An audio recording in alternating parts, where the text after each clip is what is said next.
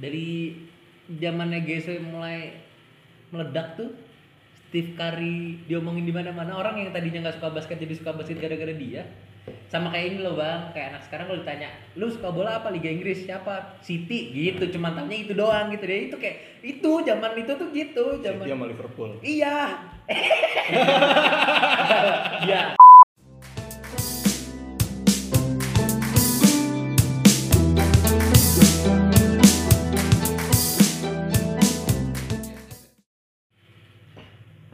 kamera ready lighting ready udah nggak banyak banyak Nggak boleh. udah dua aja soalnya kalau kelebihan langsung di cut gue Cukup. udah Udah mulai sadar diri. udah mulai sadar ya Akhirnya. Assalamualaikum warahmatullahi wabarakatuh dulu Seminggu, eh dua minggu. hampir dua minggu tidak ada naik-naik. naik postingan Samsek, promoin juga kagak. tidak ada jujur kalau Dengan kesibukannya masing-masing. Iya, kalau gue jujur kedua minggu kemarin full banget gue nggak tahu kalian berdua ngapain mau update diri kita nggak usah Nggak usah, ya? kita Nggak. penting buat Iya, orang-orang betul. di luar. Nggak ada ya? Ada yang mau tahu kehidupan kita ya kita nggak ada yang penting. Balik lagi bareng sama gue Aga. Nyaut dong bang. Gap Kevin Ke- di podcast BBW.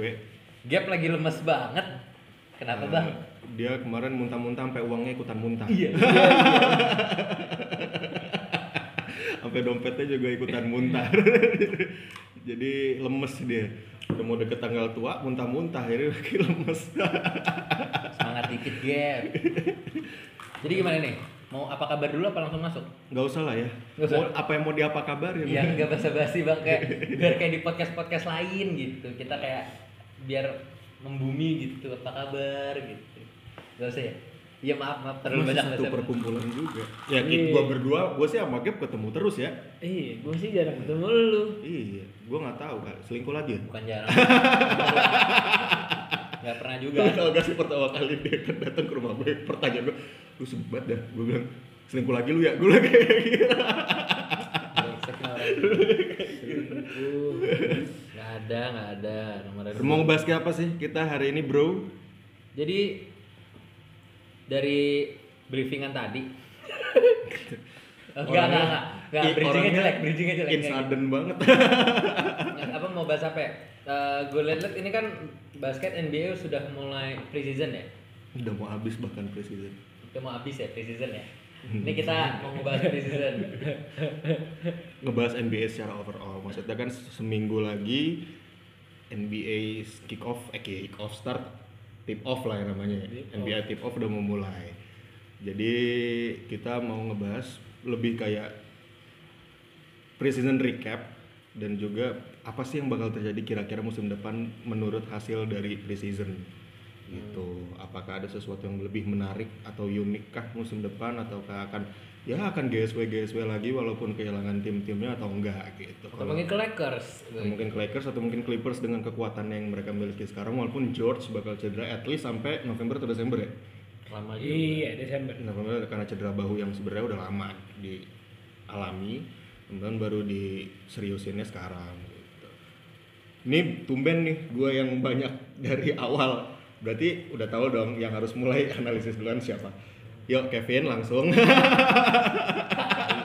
gue ambil role lu sementara untuk balikin role gue ke lu Eh, Kevin present recap nah menurut contekan lu nggak apa-apa dah Iya di sini. Gue gak pakai contekan kok. Ini gue udah kan gue BBW ini udah mau episode keberapa ya? tahu berapa sih 10 lah. Emang? Gua, iya. Kalau digabung sama yang lain-lain, side episode yang lain udah hampir 10 11-an gitu. Masa dengan berkembangnya terus itu masa gue gak ngerti-ngerti sih? ya ya emang Ngerti lah. ngomongin basketnya cuma berapa kali Banyak kan diemnya lagi. Tahuan deh. Di sini eh, NBA preseason 2019 Tyler Hero catch fire, Luka Doncic post near triple Doncic. double Tuh, and ketahuan kan orang yang ngikutin NBA Win tuh. Nah di sini Atlanta Hawks 87 Miami Heat 120 maksudnya apa tuh? Gue baca dulu deh. Jimmy Itu- Butler and itu the- skor goblok Oh, itu skornya. Jadi Miami Heat menang dari Atlanta Hawks gitu. hmm. Di sini sih ada kelihatan. Gak usah dipasang Kalau videonya, kalau gue play mati nggak nih Ya, ma- rekamannya? ya mati lah Oh enggak dong. Tapi ada suaranya ntar di dalam rekaman ya goblok. Enggak anjir. Ya iyalah kan ke record. Tuh, the Miami Heat shooter sh- scores their first 14 points on 5 5 shooting. Ya itu pokoknya intinya. Ya gue nggak jujur gue nggak bisa menganalisis banyak ya. Gue bener-bener ya Karena pembukaan dia hit. Sebenarnya baru tadi sebelum tag gua sama Gap juga udah ngobrol sih maksudnya kayak rookie rookie-nya mereka. Nih gue bantuin nih gue backup. Rookie-nya mereka itu si Tyler Hero. Boleh nggak Hero sebelum lu masuk kayak lu mau jelasin banyak. Padahal dari kemarin kan gue udah kasih tahu ya. Kita kan gak jadi tag tuh kemarin tuh. Harusnya kan gue belajar ya. Tuh dari kemarin tuh gue ngapain? Gue berada gue melakukan analisis juga. COD kan lu? Enggak enggak sumpah gue di melakukan analisis tentang basket. Baca selendang ririt gua. basket nggak? Sesuai dong. Yang dibahas NBA yang ditonton yang ditonton Mana? Rukawa, yang dibaca Mana? Rukawa. Yang penting kan basket nih. Cinta saya lihat basket tuh ya. Lanjut. Hafalin menit berapa? Iya, iya, Iya, menit berapa? iya. Terus terus. Kalau tadi sih gua habis ngobrol sama Gap maksudnya rookie rookie dari hit ini menarik karena banyak yang akhirnya menjadi kom, compare membuat comparison antara Tyler Hero sama Luka Doncic based on gaya main. Dua-duanya tuh rookie. Enggak, Don si Doncic udah sophomore tahun ini. Sophomore. Itu. Kalau gue ngelihat hit sih seperti itu. Ya menarik sih maksudnya apa yang dia lihat, apa yang kita lihat saat ini mereka punya center Bam Adebayo, terus ada Tyler Hero, eh Hero, dia dia digayin sekarang. Hi- Hero, terus Gue denger lagi. terus ada si Jimmy Butler, terus ada siapa lagi sih hit tuh pemainnya? Eh, William Adebayo. Eh, Bam Bam Adebayo. Adebayo. Udah itu dia. Udah tadi Tyler Hero. Tyler Hero kan rookie-nya ya berarti ya? Ah, ah, Jimmy Butler, terus eh, Butler. Goran Dragic Goran Dragic. gitu. Tapi Itu kalau rookie-nya kalau dia dia 23 poin itu hitungannya per satu, satu pertandingan. seper satu pertandingan hitungan lu dengan dia ukuran rookie dia ngepoin sampai 23 cukup baik? Mm, Kalau gua bilang baik. Soalnya- Ba- bagus. Kalau di Karena ini ternyata tergantung. Ini kan preseason. Apakah di regular season dia akan bermain lebih banyak seperti seharusnya di preseason atau tidak? Hmm. Itu kan menjadi pertanyaan karena gua lu gua nggak tahu sebenarnya shooting guard. Jatuhnya itu dia shooting guard atau point guard sih? Dia satu atau dua? Satu. satu. kalau di satu pun berarti ada Dragic dong. Iya. ya ada kemungkinan yang mungkin six man mainnya. Mainnya di orang ken- eh, di, di nomor 6 walaupun kita masih belum tahu hasilnya akan seperti apa. Kalau dibilang bagus ya bagus. Berarti dia bisa karena kan dia dari jatuhnya karena dia pemain Eropa berarti kan di draft picknya dia udah main di tim apa gitu namanya kalau liga luar tuh? Euroleague ya? Euroleague. Euroleague. Kalau basket luar kan Euroleague kayak timnya Doncic. Dulu kan Real Madrid. Kalau si Tyler Hero gue lupa timnya apa. Dia berarti dia bisa menyam bisa ikutin kualitas permainannya di NBA kalau secara kalau kita ngeliat secara poin yang yang sebenarnya harus dilihat dari pemain basket kan secara konsistensinya ke depan seperti apa.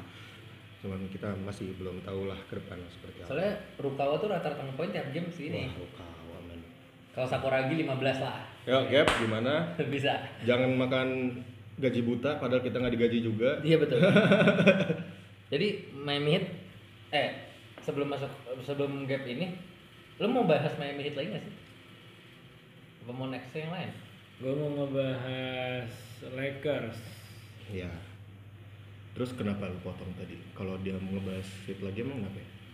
Enggak, ketika Miami Heat dengan 120 dan Hawks 87 berarti bisa kegambar gak sih di di di Tergantung karena lawannya juga Hawks kan.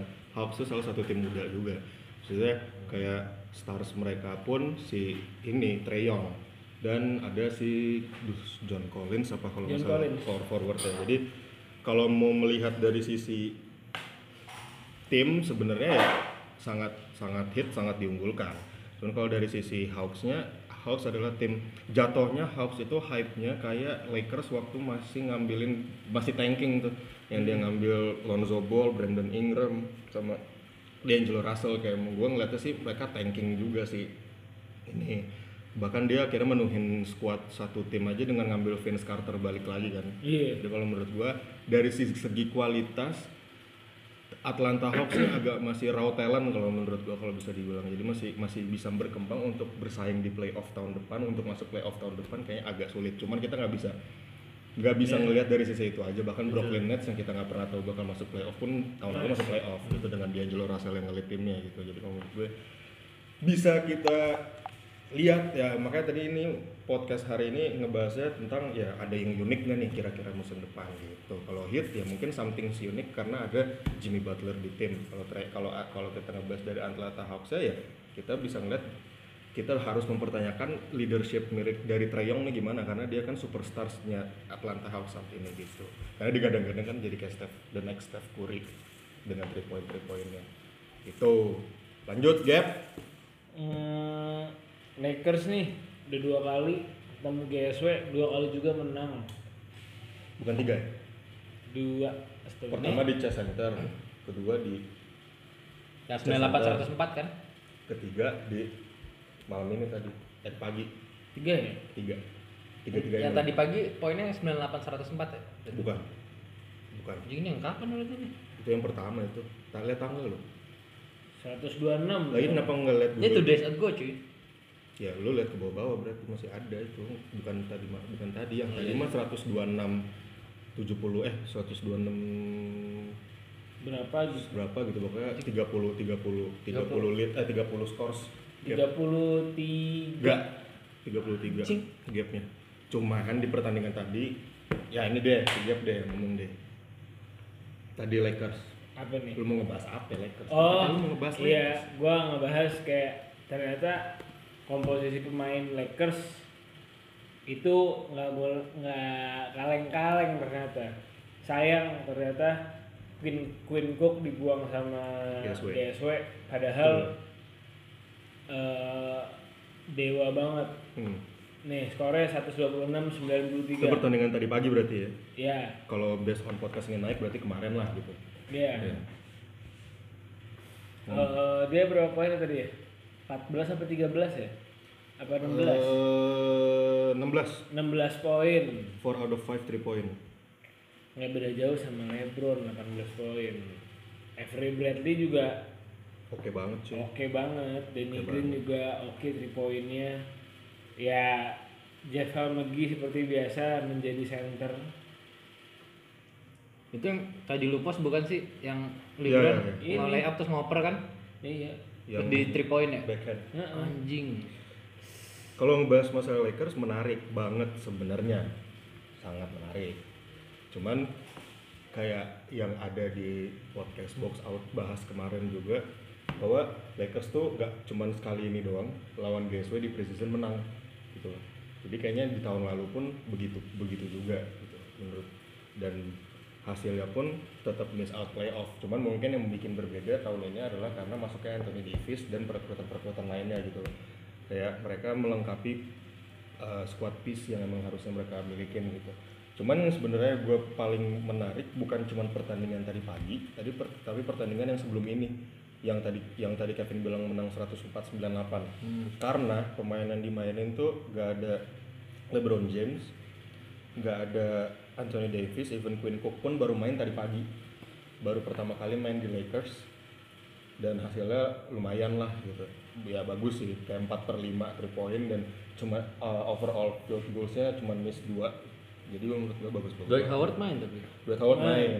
Yang spot on adalah pemain, ah ini gue nggak tahu nih dia pemain pemain pemain apa namanya Demetrius Demetrius Jackson. Gue nonton juga yang kemarin ini yang 104.98 dan melihat bahwa yang kita pernah waktu itu bahas di gap awal musim lalu yang pas LeBron baru datang dan LeBron cedera lawan GSW ingat nggak lu? Hmm. Dan hasilnya adalah mereka Lakers tetap bisa menang Hmm. musim lalu dan aman-aman aja dan memper- memperlihatkan bahwa ternyata yang core yang dimiliki Lakers nggak seburuk yang dimiliki Cavaliers dan kelihatan bahwa saat Brown di Cavaliers tim itu benar-benar di carry banget sama sama si LeBron dan berbeda pada Lakers musim lalu yang tetap bisa menang walaupun si at halftime si LeBron groin injury tetap bisa menang. Brandon Ingram step up, Lonzo Ball step up, semuanya pada step up dan tapi ya itu cedera yang mengganggu. Nah, yang pertandingan kemarin again cedera karena Anthony Davis sama LeBron cedera. Nah, pas eh, pertandingan waktu yang kemarin itu yang pemain-pemain yang muda-mudanya justru spot on juga dan Dwight Howard juga bagus 12 poin 13 rebound. lumayan sih. Howard buat eh, Backupnya nge- nggak usah backup kalau ganda masuk dua masuk bisa ngeremin anjir Itu tuh yang dibahas sama box out juga Ben. Apa?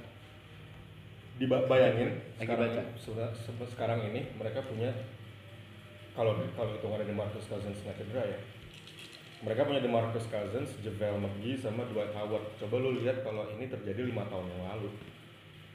najis Ini tim bakal lebih najis dibandingin GSW dengan Kevin Durant dan Kapan kali? Steph Curry Steph Curry serta Klay Thompson gitu loh. Ini Najis. yang kemarin di- diangkat sama box out kayak wah ini keren banget ini tim sebenarnya bukan bukan tim yang sembarangan dengan tambahan Anthony Davis pula gitu dengan tambahan LeBron pula. Kalau kita ngeliat tim ini dari 5 atau 4 atau tiga tahun yang lalu mungkin ini bahkan menjadi sesuatu yang berbeda gitu loh. Karena kan saat lima tahun lalu Dwight Howard belum sedang fall sekarang. Terus eh, DeMarcus Cousins belum dengan injurinya itu. Dan si JaVale McGee di GSW ya menurut gua sebagai squad role bagus-bagus aja three pointnya juga oke cuy. Ternyata sekarang JaVale McGee iya. Ngaco. Bahas Lakers sih itu paling. Ada pembahasan lain Kevin? Ada. Ini ada Melbourne United lawan Sacramento Kings. Melbourne United ini jabatan gue tuh Australia. Emang di preseason tuh pasti ada, ada. Pasti ada tim Cina ada tim Australia sama tim apa gitu?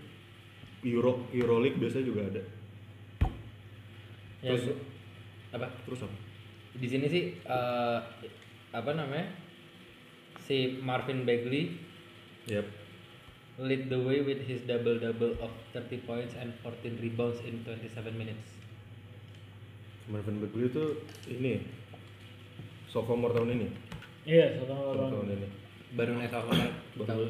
berarti tahun lalu dia rookie rookie seasonnya nggak nggak mengecewakan sih ya standar lah sesuai standar kalau menurut gue jadi yang emang ma- ya ini Sacramento Kings juga salah satu tim yang mengejutkan banyak orang juga ternyata di Aaron Fox Buddy Hield dan siapa tadi Marvin Bagley mainnya oke juga ternyata gitu loh. dan mereka juga masih punya Bogdanovic kan saat ini Tapi dipikir-pikir si tim basket dari Australia ini oke juga ya. Maksudnya hasil akhirnya kan 110 124 Sacramento menang. Dari si si Melbourne United itu Chris Golding dia 25 points. hmm. Gue gua gua nggak tahu sih ketika preseason nih bisa jadi ajang juga buat ngeliatin nggak sih bahwa basket-basket di luar NBA itu juga lagi berkembang sebenarnya. kadang ini bisa menjadi ajang buat beberapa pem- pemain yang sebelumnya pernah misalnya undrafted atau uh, draftnya tuh di late second round atau di late first round yang mereka akhirnya uh, gak gak kepilih jadi tim inti di NBA yang akhirnya mereka harus main keluar. Mereka jadi jadi step up. Contoh salah satunya musim lalu itu Jimmy Fredette. Iya Jimmy Jimmy Fredette. Dia waktu waktu di waktu di university mainnya bagus. Three pointnya jadi sebelum ada Steph Curry itu ada Jimmy Fredette ya yang Hmm. three pointnya oke. Cuman ternyata pas di pick sama Shooting guard mantap. oh ya shootnya bagus. Cuman pas di pick sama Sacramento Kings ya yang pick dia. Iya. Sacramento Kings ternyata apa yang terjadi di university nggak sejalan dengan apa yang terjadi waktu dia di NBA yang membuat dia kehilangan tempatnya di NBA. Nah waktu musim lalu Houston Rockets tuh lawan tim dia yang dari Cina. Dia main di Cina dan ternyata itu Houston. eh, 30 berapa poin kalau nggak salah gila dan membuat banyak orang bilang wah kayak Jimmy Fredette balik nih dengan setelah main di Cina. Akhirnya bener balik. Enggak juga ternyata gitu. Sempat dikasih kesempatan sama Phoenix Suns, direkrut sama Phoenix Suns. Ya dibilang sebagai kualitas NBA belum, cuman untuk sebagai bench role ya untuk finish Sabi. finish the match karena kan pertanyaan-pertanyaan banyak pandit NBA, banyak ini NBA bilangnya bahwa yang terpenting adalah bukan saat bagus dalam saat dalam beberapa dalam three point atau segala macam ya. Yang paling bagus dari pemain NBA adalah apakah kita bisa menyelesaikan pertandingan menggunakan pemain ini. Which is kan sekarang NBA udah agak shifting gaya mainnya dari yang lu harus ngedrive ke dalam sekarang lebih kayak three point, three point, three point ya. gitu. Berarti kan otomatis apakah lu bisa finish the game dengan three point lu bagus atau enggak konsistensi shoot lu tuh bagus atau enggak. Nah kalau untuk hitungan Jimmy Fredette waktu kemarin di Suns ya bagus-bagus aja sih sebenarnya. Cuman untuk kualitas lu main 82 pertandingan NBA sih kurang. Sempat masuk tim preseasonnya GSW, cuman akhirnya nggak di nggak direkrut juga. Hmm. Gitu. Seperti itu. Ada lagi? Apa agak? Naon sih ya? Ya gue mah Boleh masuk kan nih gua? Nimpal doang. Boleh, Boleh masuk nih, karena lu tadi ngomong masalah shifting-shiftingan. Sebelum kita beralih ke obrolan yang lain. Karena mumpung lu ngomongin shiftingan dan ini kan kita lagi ngebahas preseason dan kawan-kawannya ya sebelum Hmm. masuk ke apa istilahnya? Regular season. regular seasonnya ya. Dari gua dari 2016 itu berapa tahun lalu sih? Tiga. tiga dari tiga tahun lalu itu tuh gue nggak ngikutin basket cuma setiap orang yang lagi menyukai basket semua komentarnya sama basket nih apalagi komentar komentator eh, misalkan lagi wawancara pemain basket yang lama-lama yang tua-tua gitu selalu dibilangnya sekarang NBA tidak se se kompetitif dulu gitu karena efek dari shifting permainannya yang nggak ngedrive ngedrive tidak ada ngotot-ngototan dikit-dikit kayak di luar di luar langsung nge-shoot gitu nggak ada rasa thrilling untuk bisa speed gitu itu itu kalau dari pendapat lu berdua gue gue nggak tahu ya gue gue sebagai orang yang dulu juga ngelihat eh, Iverson Jordan segala macam mainnya cukup gitu beringas-beringas gitu ya agak capek juga sih ngeliat dikit-dikit nge-shoot dikit-dikit nge-shoot gitu. Menurut lu gimana? Menurut gua kan pemain basket nih. Kita kan atlet nih, oh Iya. gitu. Lu kan atlet, ya kan. Kalau kita kan main 15 main 5 menit juga ngos-ngosan. gue juga atlet kok, Ya, habis itu asam lambung. karambol. Iya. Ya, coba gap nih. menurut gua apa sekarang evolve jadi three point semua karena menurut yang three point three point tuh keren banget Menurut si para shooting guard dong berarti. menurut para shooter shooter ini Iya. yang melakukan three point dari Hmm. eh, daripada ngedrive Mm-mm. itu mereka menurut mereka itu three point gua keren banget Lebih elegan gitu. lebih elegan padahal gua diajarinnya untuk easy point easy point itu apa undering Underin betul. lay up Hmm. kalau bisa shoot di dalam shoot di dalam. Istilahnya poin-poin pasti aja Jump shot jump shot gampang gitu Iya. kan. Iya. tidak usah memaksakan three point Iya. three point lain ceritanya kalau misalkan kosong Betul. kan gitu Betul.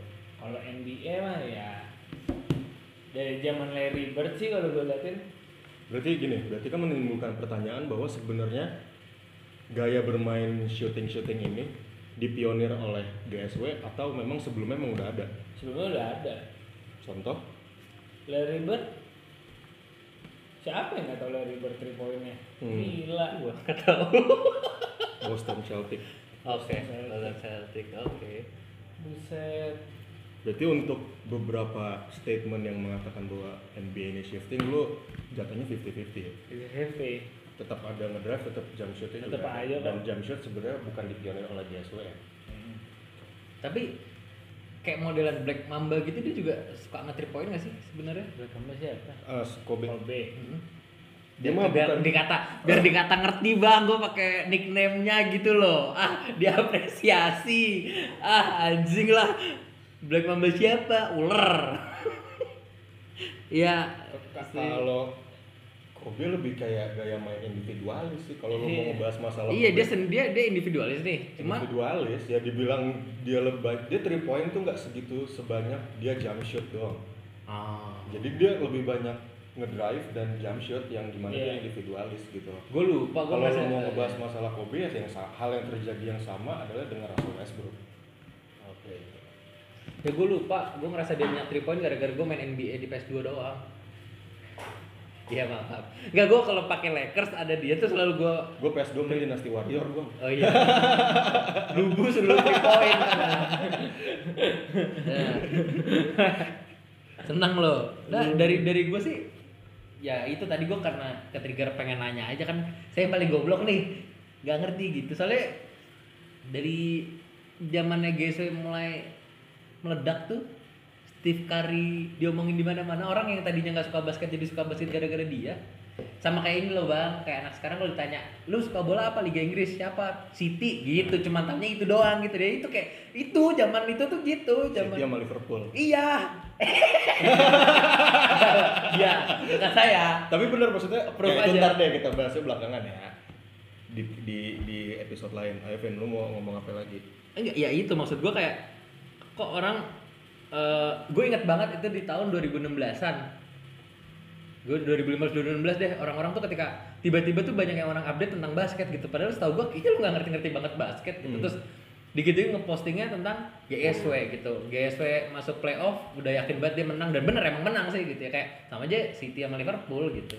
Ya tapi emang sejujurnya juga agak sedikit kesel sih ngelihat kayak makanya waktu kemarin final banyak orang yang akhirnya mihaknya ke Toronto Raptors karena ya udahlah cap bosen lah lu ngelihat GSW menang dengan gaya mainnya yang seperti itu aja gitu. Bosen, bosen. menurut gue mainin center yang pendek mainin pemain yang agak pendek dengan ya udah utamainnya ke jump shot jump shot itu. Mungkin ya kayak Gabe bilang tadi bahwa sebenarnya pioneer utama bukan GSW cuman yang mungkin membuat mereka terkesan seperti pioneer adalah karena pemain-pemain yang dimainin pun ada berbeda. Kalau kita ngebahas tadi kayak Gabe bilang Larry Bird Larry Bird cukup tinggi untuk menjadi sebagai pemain NBA gitu. Michael Jordan pun untuk sebagai pemain NBA juga cukup tinggi. Dan aja ada Magic Johnson juga Magic gitu. Johnson, ya. jadi kalau menurut gue yang membuat akhirnya terkesan seperti GSW menjadi pioneer three point shooting buat main basket tuh ya karena mereka memainkan pemain-pemain agak cukup pendek gitu. Dengan masuknya DeMarcus Cousins adalah pemain tertinggi di musim lalu gitu loh. Kalau mungkin Zaza Pachulia juga center-center dia ya paling center-center yang akhirnya mereka rekrut kayak model Zaza Pachulia, DeMarcus Cousins terus An- Andrew Bogut at the end keganti sama eh, ini siapa Green siapa Green D Green apa nomor 23 Jeff Green Bu, Jeff Green. Siapa? Bukan bang. Yang berantem sama Kevin Durant. oh saya nggak pernah berantem bang Lu goblok. Siapa Green namanya? Kok gue lupa ya? Gue kan mau nyari Google tapi udah. Gerard Green Bukan. Bukan bang. Gue kira. Uncle Green Bukan. naon sih anjing Golden State Warrior. I Denny Green Danny Green. Eh bukan Danny Green Lakers goblok. Kok gua main dia iya aja ya? itu ah iya yang hitam kan Iya, Draymond, masya Allah Tuhanku. Paling ujung-ujungnya mainin jadi center Draymond Green yang akhirnya main adalah Andrew Iguodala jadi posisinya Draymond Green. Sekarang kan Iguodala udah nggak ada. Gitu mungkin ya yang terkesan seperti GSW sebagai pioneer. Analisis gue yang serada goblok itu ngerasa seperti itu. Oke. Gue ada lagi yang Ya. ngerasa gue masih agak tergelitik masalah yang shifting permainan NBA sekarang ini gitu loh. Ya balik lagi, gue sih jujur aja kemarin gue harusnya bisa baca NBA, gue malah baca manga, Slam Dunk. nah, yang gue melihat dari si Slam Dunk ini, Slam Dunk kan manga di tahun 90-an nih. Yep. Itu referensinya banyak mas pemain-pemain dari tahun 90-an gitu loh. Yang mereka referensi dari si manganya itu dan kalau lu baca dari chapter 1 sampai akhir cara permainan semua timnya tuh rata gitu. Dengan drive kenceng ke dalam dengan berani berani oper-operan megang bola nggak nggak bola dikit-dikit di dalam dibuang keluar di shoot Sakuragi gitu. pun terobsesnya slam dunk-nya gitu. iya slam dunk dan dia eh, apa dia baru bisa nge-shoot itu di chapter-chapter akhir gitu. Jadi menurut gua gua kalau gua ditanya padahal nggak ada yang nanya gitu. Lu suka permainan yang kayak apa? Gue suka permainan yang lebih suka ngedrive ngedrive ke dalam gitu sih kalau Hmm. gue Hmm. gue nggak tahu sih kalau lu gua ya grown ups nonton Allen Iverson sama Kobe Bryant sih jadi kalau gua ngeliat walaupun mereka seorang seorang point guard yang jump shotnya bagus tetap kayak kalau NFL nyebutnya jukebox yang lo bisa nge- pakai gimmick-gimmick Iya. nipu-nipu kayak Iya. Allen Iverson kan punya signature move-nya sendiri yang Hmm. akhirnya ke bawah dan menjadi salah satu uh, yang paling spot on dari seorang Allen Iverson. Tapi ya dia nggak walaupun three pointnya sebagus itu cara mainnya nggak kayak seperti itu doang gitu loh nggak ngebosenin kayak gitu doang. Nah, sekarang kan kayak wah udah mulai masuk crunch time nih kayak clutch time nih kayak lu tinggal dikit lagi menang ya udah tinggal masukin aja nih satu model kayak Steph Curry atau mungkin Seth Curry yang main atau mungkin dulu sempet kayak eh, James Harden sekarang terus kayak ada Paul George juga bisa digunakan seperti itu ya udah tinggal gimana ya makanya banyak yang bilang komentator komentator sana bilang ya gimana cara lu bisa finish the games dengan pemain dan dengan pemain itu. Yaitu karena ya shootingnya sebagus apa itu aja. Kalau dulu kan mungkin gua kapan tuh ya gue sempet yang gue suka adalah waktu Los Angeles Lakers dengan masih ada Kobe Bryant dan juga Sha- Shaquille O'Neal lawan Philadelphia 76ers yang masih ada Allen Iverson yang Tai Lu dilengkapin Oh, 2000. coachnya Cavaliers itu siapa? Lu Ty- Tyron Lu kan? Tyron. Itu di gara-gara jagain Allen Iverson jatuh langsung dilangkahin. Itu kayak yang kayak gitu-gitu kan kayak ah, agak jarang sekarang sih kalau menurut gue kayak gitu. Yang sebenarnya untuk kalau musim depan yang gue tertarik adalah sekarang Musim depan apa musim musim depan. Ah. Musim ini maksudnya ya. ya musim, Ya, musim ini, ini. regular season Nah, ini regular season ini yang gue tunggu adalah kan banyak kalau lu nyari di YouTube NBA eh, analysis. Bukan. Fail kom, eh, apa namanya? Compilationsnya wasit itu banyak banget. Kayak banyak banyak Banyak yang keputusan tadi. keputusan Ah. yang sangat kayak James Harden step backnya tuh banyak banget. Itu tuh iya iya yang step yang harusnya traveling tapi Nggak traveling sama sekali. iya iya. Yang gue tertarik adalah musim depan eh musim ini maksudnya regular season ini akan ada kayak di NFL di mana lu bisa challenge keputusan wasit. Hmm. jadi kalau di NFL tuh kan lu bisa ngelempar bendera untuk challenge keputusan wasit yang akhirnya jadi good review di mana lu bisa itu, pertandingan pasti di review. Kalau sekarang kan cuman kalau yang musim lalu kan cuman based on keputusan wasit. Wasit udah bingung belum nih? Kalau udah bingung ya gue ngeliat reviewnya seperti apa di pertandingan itu. Kalau sekarang pelatih nggak setuju dengan keputusan wasit bisa challenge dan itu terjadi di pertandingan tadi pagi kalau nggak salah Steve Kerr challenge keputusan wasit yang harusnya out malah dibilangnya foul jadi itu yang bakal gue pengen lihat adalah apakah keputusan challenge ini akan menjadi sesuatu yang membantu setelah banyaknya ter- yang terjadi musim lalu atau enggak gitu. Kalau menurut gue sih yang gue tertarik sih ngeliat itu karena parah banget wasit musim lalu tuh hancur cuy. Gila sih. Mendingan wasit Indonesia bang wasit SMA wasit Indonesia kan ketara banget di banyak Gila, lu mending wasitnya mending lu gap. Lu kan ada lisensi. Ada wasit mah. kalau kalau lu punya harapan apa gap di regular season gap? Kalau kan segmen dua Ah, itu segmen. Lu apa sih udah ngomong next season anjing? Kan gue maksudnya mancing biar dipotong gitu loh bilang ya udah kita potong sekarang aja. Kita potongnya kasar aja bang gua udah bridging bagus ya. Udah, kita Gua udah, potongnya bri- udah capek gue mikir Iya, otak enggak. Gini nih, lu mau bridging bagus nggak? Kalau lu punya next season, eh di regular season ada harapan apa Gap? Tadi kan dia ada harapan kayak gitu. Tapi sebelum lu jawab kita masuk segmen dulu aja kali Sebenarnya ya. cuman kayak tadi Gitu, udah ada salah, cuman ditambahin doang.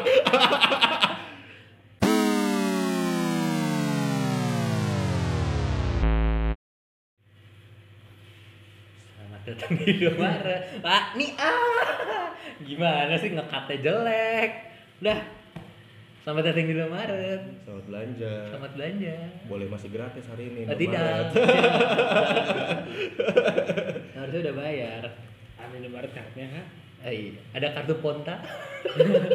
Apa? Kartu Ponta anjing aneh banget. Jadi kita mau ngebahas NBA apa marketing Indomaret? Nah, jangan langsung NBA. Tadi kan udah dibahas pre-season recap gitu kan. Setelah tadi panjang berapa menit? 30 menit. Next di segmen ini kita kayaknya ngebahas masalah apa sih yang bakal terjadi musim depan dan apa yang lo harapin dari dari musim depan. Musim ini lebih tepatnya Regular season season. musim ini gitu. Dimulai dari kembali atlet basket kita Gabriel Purnama. Enggak dong. Oh, bukan. Aliftra, Bang. Oh, Liftra. Purnama tuh siapa? Mas Pur. Ayo Gap, apa sih yang lu harapin maksudnya dari apa yang udah terjadi dengan cukup mengejutkannya Toronto Raptors masuk final dan menjuarai NBA musim lalu ya Surprise me sih, gue pengennya. uh, apa yang lu ya apa yang akan menjadi konotasi surprise lu gitu maksudnya yang membuat Ya nggak ada yang tahu kan tiba-tiba Lakers juara atau bahkan Celtic juara atau lagi Pelita Jaya. untuk sekarang nih eh bahasa kita aja lagi nggak beri tamak sekalian bang Hang Tua Sumsel. Anjing kan tuh sumsel. terus kalau dengan menurut preseason yang ini yang kemarin nih yang udah berlangsung selama seminggu ini lo ngelihat dari beberapa tim yang udah main musim depan kira-kira yang menurut lo bakal menjadi timnya ya. Kalau misalnya ngebahas yang masuk final kan tadi lu udah bilang mungkin Lakers yang juara. Playoff atau- deh, playoff. atau Clippers gitu. Sekarang gue pertanyaan deh tim yang mengejutkan bisa masuk playoff tim yang akan terlihat ter downfall bakal mundur mengalami kemunduran sama tim yang menurut lo kira-kira deserve kesempatan yang lebih bagus? Beda ya sama option pertama ya. Kalau yang masuk playoff ya pasti. Yang mengejutkan masuk playoff gitu. Oh yang bisa masuk playoff Dallas Maverick. Oke. Karena?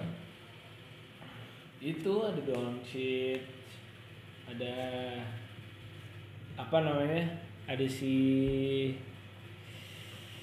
ah Kristaps Porzingis. Porzingis. Porzingis. Terus ada si siapa yang gede Boban tuh? Boban. Boban. Nah, kan. Boban Marianovic sama? Ya udah sih maksud gua kayak itu serem sih. Serem banget di depannya ada begituan di dalam ada dua orang begitu ya. Ya itu Menarik. mungkin yang mengagetkan. Yang akan mengalami downfall atau kemunduran? Cleveland itu bukannya emang terjadi dari musim lalu udah ya? Ya gue sih yang gue lihat masih Cleveland ma- masih Cleveland sih. Oke. Masih Cleveland balik lagi raw talent ya Heeh. yang bisa ngelit mereka cuma Kevin Love dan Kevin Love sendiri pun bukan seorang lead- bukan seorang leader makanya dan tim yang kira-kiranya dengan komposisi pemain yang kalau di kalau dibandingin sama Lakers atau dibandingin sama pemain sama tim lain yang kira-kira sebenarnya ini orang ini tim tuh sebenarnya deserve loh untuk masuk playoff. Pelicans Oke, interesting. Why?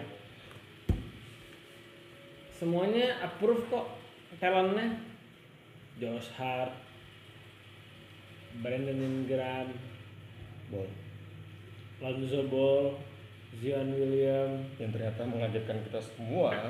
Yang awalnya kita mempertanyakan apakah dia Anthony Bennett atau LeBron James ternyata Tapi- so far so good lah so ya. far so good. Belum bisa dibilang ke LeBron James cuman so far so good. So point-nya so juga good. bagus ternyata bro. Poinnya bagus. Dan ngomongin Pelicans ya iya sih gue juga tertarik karena ternyata juga chemistry antara Lonzo Ball dan Zion. William Williamson kuat juga ternyata bagus juga so far kayak ya bisa dibilang ya ini kayak salah satu tim yang kayak Hawks ya Hmm. raw talentnya banyak banget walaupun sebenarnya mereka nggak bisa dibilang sebagai rookie ataupun sophomore ya rookie ya cuma Zion Williamson siapa lagi sih gue rookie-nya dia gue Kok lupa nggak ada sih Pelicans di sana?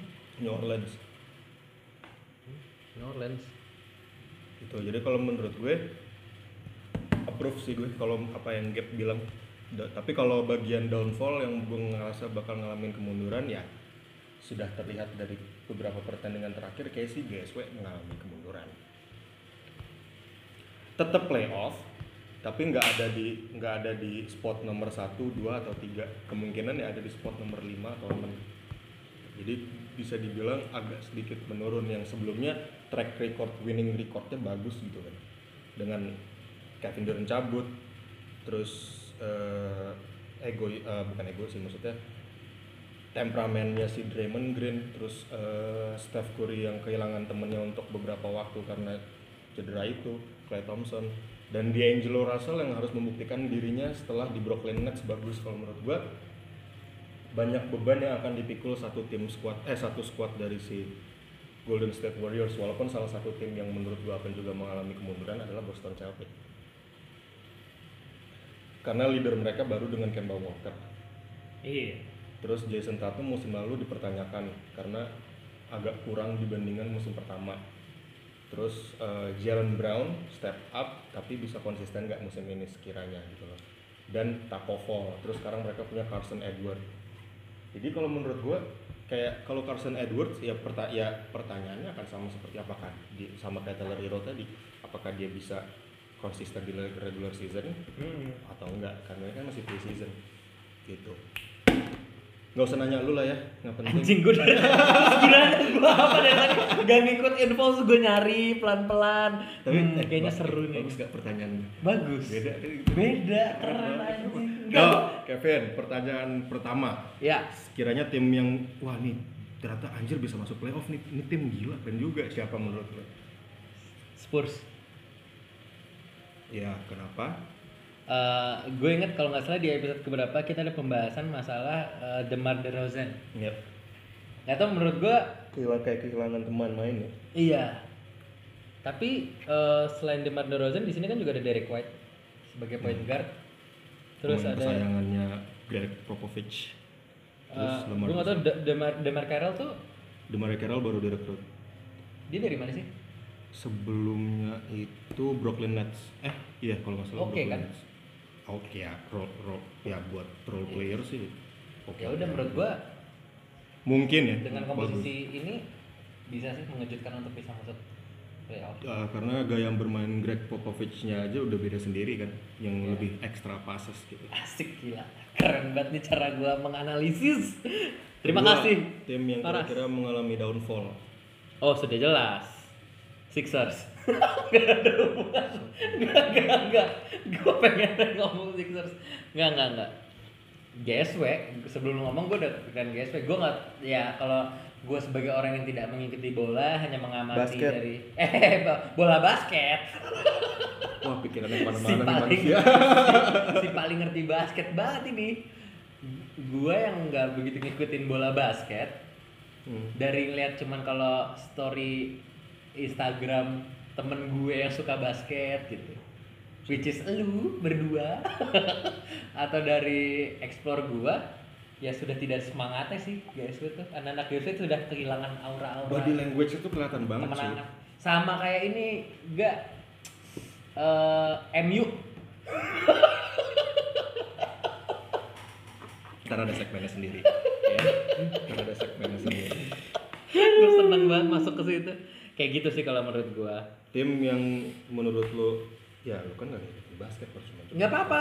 Ayo. Tim yang menurut lo dengan squad yang mereka punya nggak sebanding dengan Lakers dan kawan-kawannya tim-tim Hmm. besar tapi sekiranya ini tim butuh loh untuk deserve dapat kesempatan yang lebih. Brooklyn Nets. Ya itu mah other than Brooklyn Nets Oh. juga itu kan udah ketara ya dia punya Kyrie Irving oh iya benar juga ya.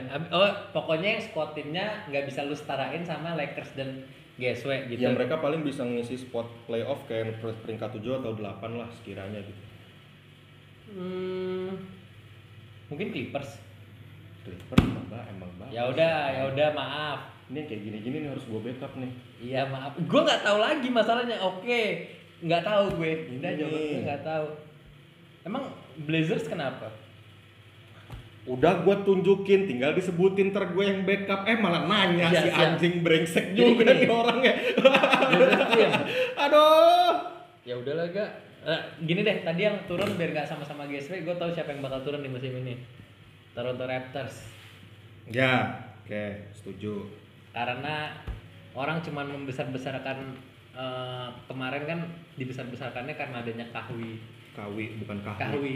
Gue mau ya Kahwi. Ya ya emang. Karena ada Kahwi Leonard dan siapa lagi satu lagi tuh? Bang? Kayak Lauri. Iya bener ya? Itu ya udah itu. Dan dua-duanya udah pindah kan? Di trade. Enggak enggak. Lauri belum. Cuman si ini doang. Ya udah kayak gitulah intinya. Kalau gue tim yang menurut gue deserve untuk dapat kesempatan di playoff tuh Washington Wizards itu tadi tuh nggak kepikiran gue. dengan Brad gue tuh nggak. Kok lu senyum senyum sih anjing? Udah lu diem aja.